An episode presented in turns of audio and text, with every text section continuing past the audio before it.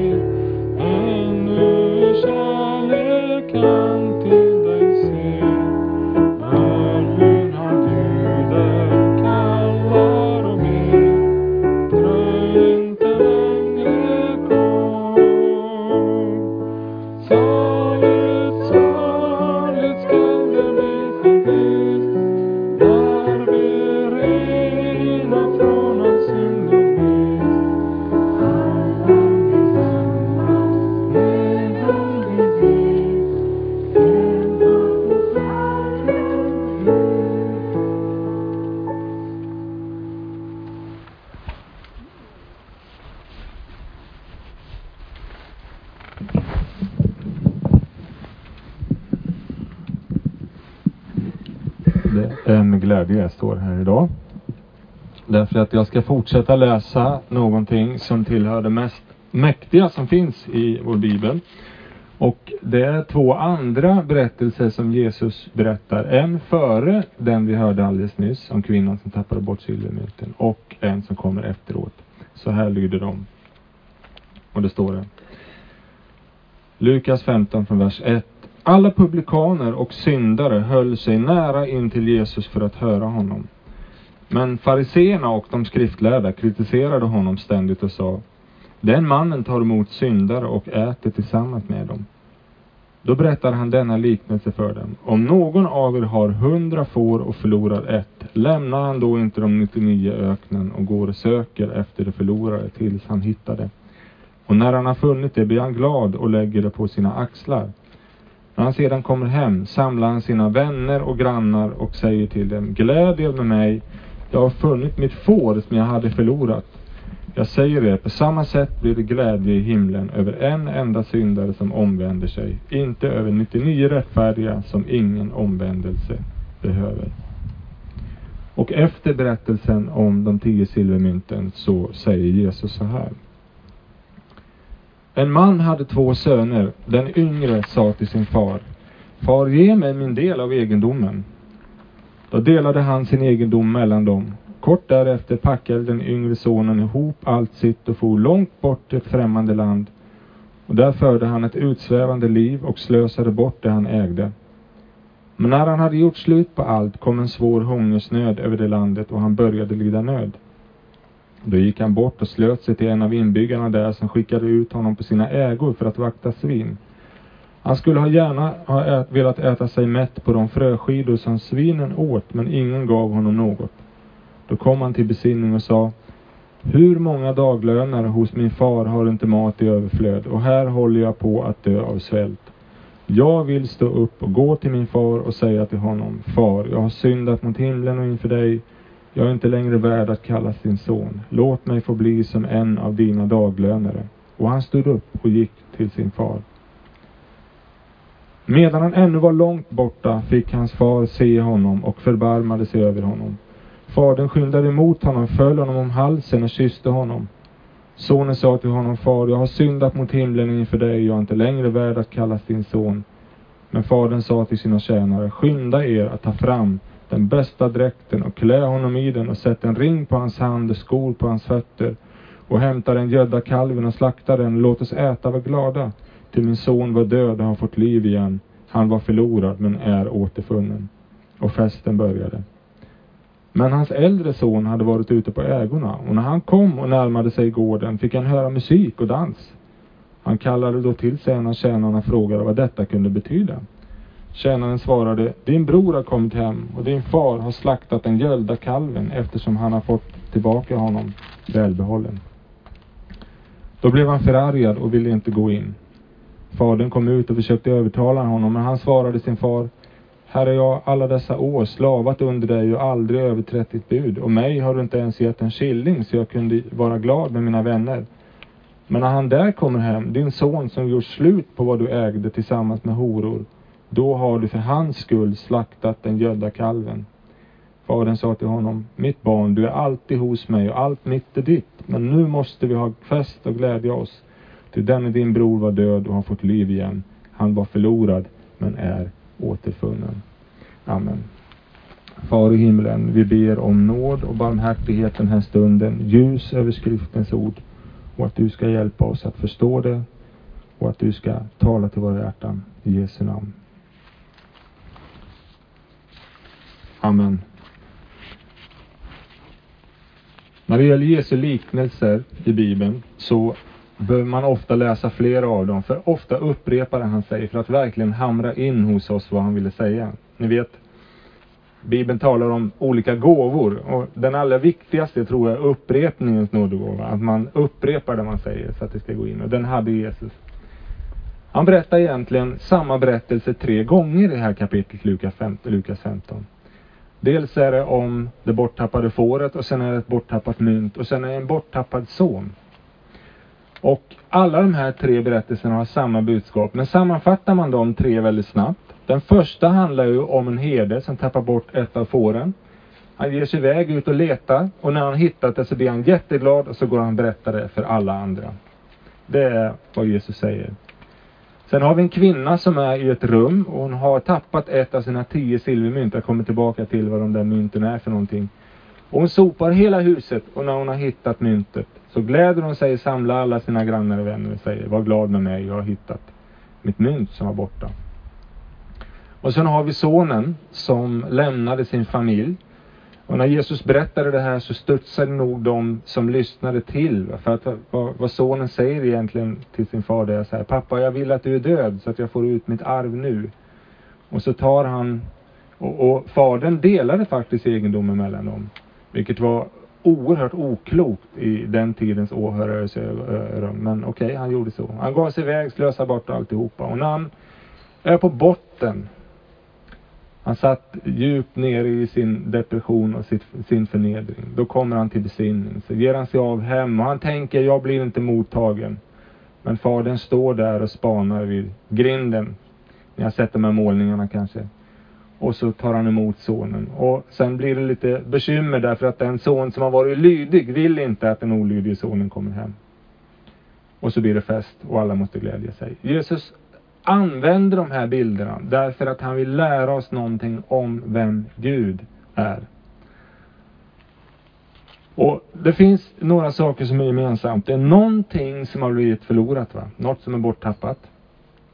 Det är någon som letar efter det här förlorade man brukar säga att den som söker han letar va, men vi, vi söker ju tills vi finner. Det är det som är poängen här. Poängen här är inte ett ständigt letande som aldrig tar slut, utan det är ett letande där Gud till slut, för det är honom det handlar om, finner det han letar efter.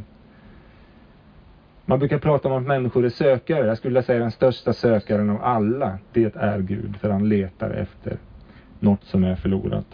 Och den fjärde gemensamma punkten då för alla berättelserna är just detta. När det förlorade blir upphittat så blir det mycket, mycket stor glädje.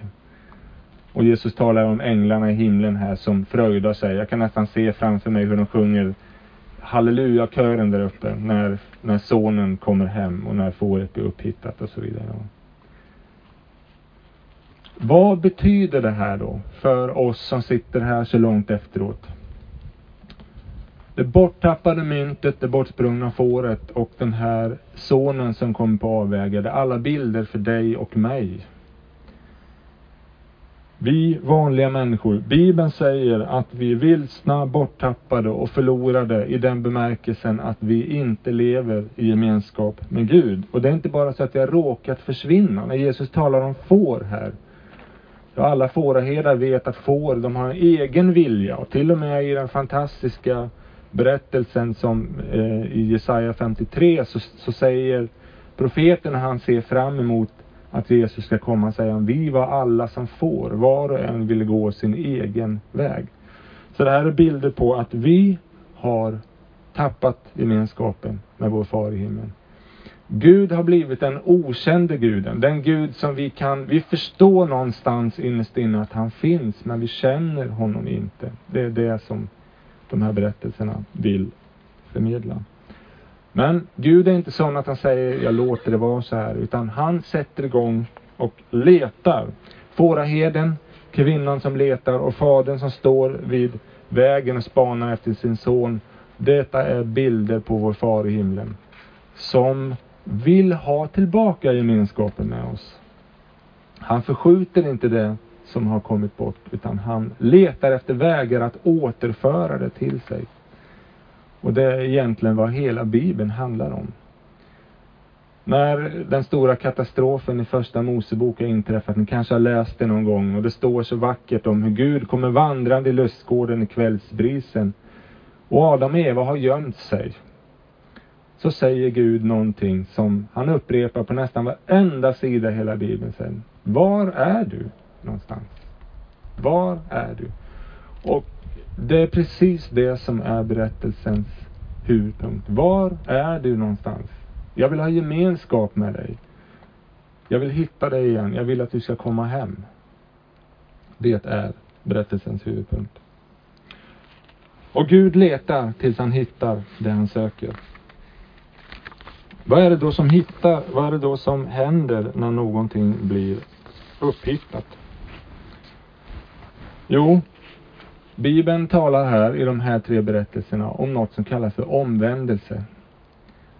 Och det är ett ord som egentligen betyder att ändra sätt att tänka. Att ändra uppfattning.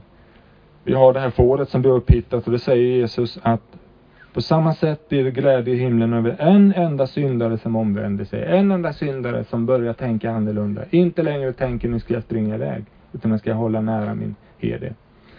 Och det är likadant i berättelsen om återfinna myntet. Där står det, på samma sätt blir det glädje bland Guds änglar över en enda syndare som omvänder sig. Och när den här sonen, mitt i sin förnedring, eh, kommer till besinning, så står det där att han kom till sig själv egentligen. Han upptäckte helt plötsligt att han befann sig i ett tillstånd som han själv hade orsakat, men som var fullständigt fel. Och han inser, nu behöver jag vända hem. Och det var precis det han gjorde. Och det här är en beskrivning för vad omvändelse handlar om. Bibeln talar om omvändelse på många olika sätt, men jag brukar använda Bibeln av ett, eh, bilden av ett lappkast. Om du är ute och åker skidor och så inser du, nu har jag tagit in på fem kilometer spåret, det här orkar jag inte med. Nu vänder jag och så åker jag tillbaka, så kommer jag in på tre kilometer spåret istället. Då gör du det där lappkastet. Man vänder 180 grader och så vänder man tillbaka. Detta är en bild för vad omvändelser är. Vi vänder tillbaka till det som vi har blivit sprungit bort ifrån, blivit borttappat från. Och det som är så fascinerande det är att den här upprättelsen som följer på omvändelsen, den är fullständig. Man skulle kunna tänka sig att, att, att när sonen kommer hem så säger fadern så här, ja du får gå som en av mina daglönare, men jag kommer aldrig mer att betrakta dig som min son. Nej, det säger han inte. Allt det gamla är förlåtet.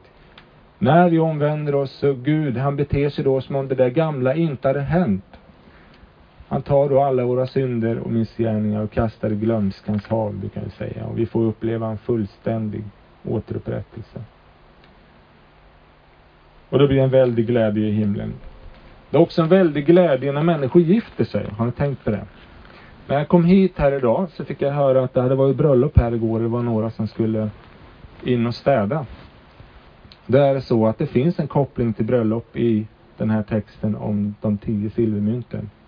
Någonstans har jag läst och lärt mig att när en judisk flicka skulle förlova sig eller gifta sig, jag minns inte riktigt hur det var, då skulle hon ha tio silvermynt. Det här hade någon form av symbolisk betydelse i samband med det här.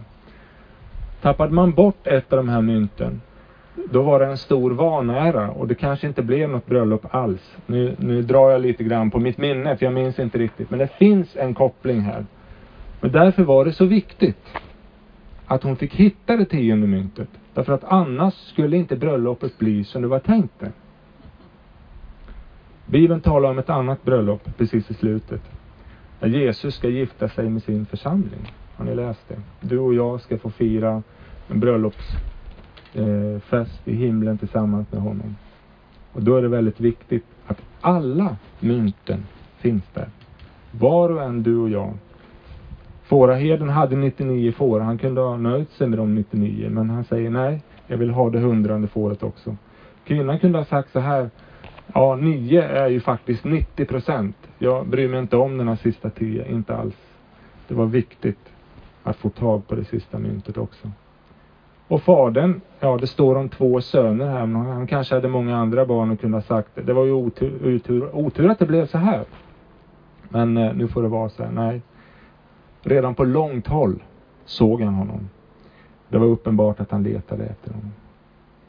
Och det vill jag säga till oss alla. Gud vill frälsa oss allihopa. Han vill möta med oss och göra oss till sina barn. Och ingen av oss är bortglömd. Ingen av oss är så borttappad att inte Gud letar efter oss. Därför att den dagen när det blir bröllop på riktigt i himlen, då vill han att du ska vara med och jag ska vara med. Vi allihopa. Låt oss tacka och be för detta. Himmelske Fader, tack för Bibelns ord om att du är den som letar efter det bortsprungna och det borttappade. Nu vill jag lägga mig själv och mina bröder och systrar här i dina händer. Tack för denna gudstjänst. Tack för detta underbara vi får uppleva i denna natur som du har skapat. Och jag ber Herre att du inte bara ska vara den där guden som är långt borta som har skapat allting, utan tack att du verkligen är närvarande här. Du är nära oss alla. Det är i dig vi lever, rör oss och är till. Och varje andetag vi tar, tar vi i din närvaro. Jesus, jag prisar dig för det. Men vill jag be för oss alla att vi inte ska vara vare sig bortsprungna får eller borttappade mynt eller förlorade söner och döttrar utan att du ska hitta oss. Tack att du letar tills du finner. Och när du finner så blir det stor glädje och det vill jag tacka dig för. I Jesu namn. Amen.